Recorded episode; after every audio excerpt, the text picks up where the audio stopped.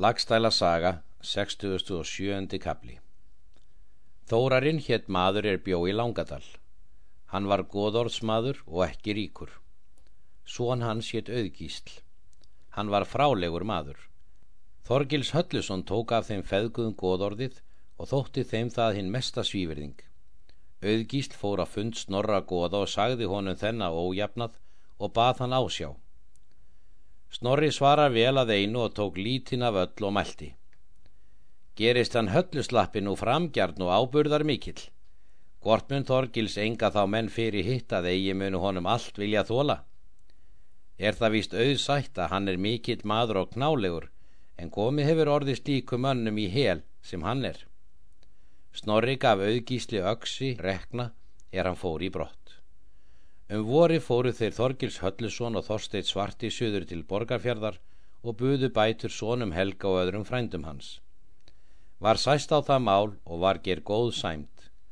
Galt Þorsteit tvo hluti bóta víksins en Þorgil skildi gjalda þriðjung og skildi greiða á þingi. Þetta suma reið Þorgils til þings og er þeir koma á hraunið af öllum sáu þeir konuganga mótu sér. Svo var mikil harla. Þorgils reyði móti henni en hún veik undan og hvað þetta. Kosti fyrðar ef framir þykjast og varist við svo vélum snorra. Engi mun við varast, vitur er snorri. Síðan gekk hún sína leið. Þá mælti Þorgils. Sjaldan fór svo þá er vel vildi að þú færi þá á þingi er ég fór til þings. Þorgils rýður nú á þingið og til búðar sínar og var kyrt öndverð þingið. Sá atbörður varð einhver dag um þingið að fest voru út klæði manna til þerris. Þorgils átti blá heklu. Hún var breytt á búðarvegin. Men heyrða heklan hvað þetta.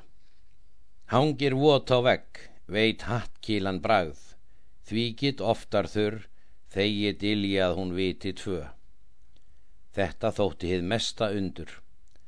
Hinn næsta dag eftir gekk Þorgils vestur yfir ána og skildi gjalda fjesónum helga. Hann sest niður á hölknið fyrir ofan búðirnar. Með honum var Haldur fóstbróður hans og fleiri voru þeir saman. Þeir sínir helga komu til mótsins. Þorgils tekur nú að telja silfrið. Auðgísl Þórarinsson gekk þar hjá og í þér Þorgils nefndi tíu Þá hjó auðgísl til hans og allir þóttust heyra að höfuði nefndi ellefu er aðfauk hálsinum. Auðgísl hljóp til vassfyrringabúðar en Haldur hljóp þegar eftir honum og hjó hann í búðardýronum til bana. Þessi tíðindi komu til búðar Snorra goða að Þorgils Höllusson var vegin. Snorri segir Egi mun þér skilist hafa, Þorgils Höllusson mun vegið hafa. Maðurinn segir enda fauk höfuðið af bólnum. Það má vera satt sé, segir Snorri.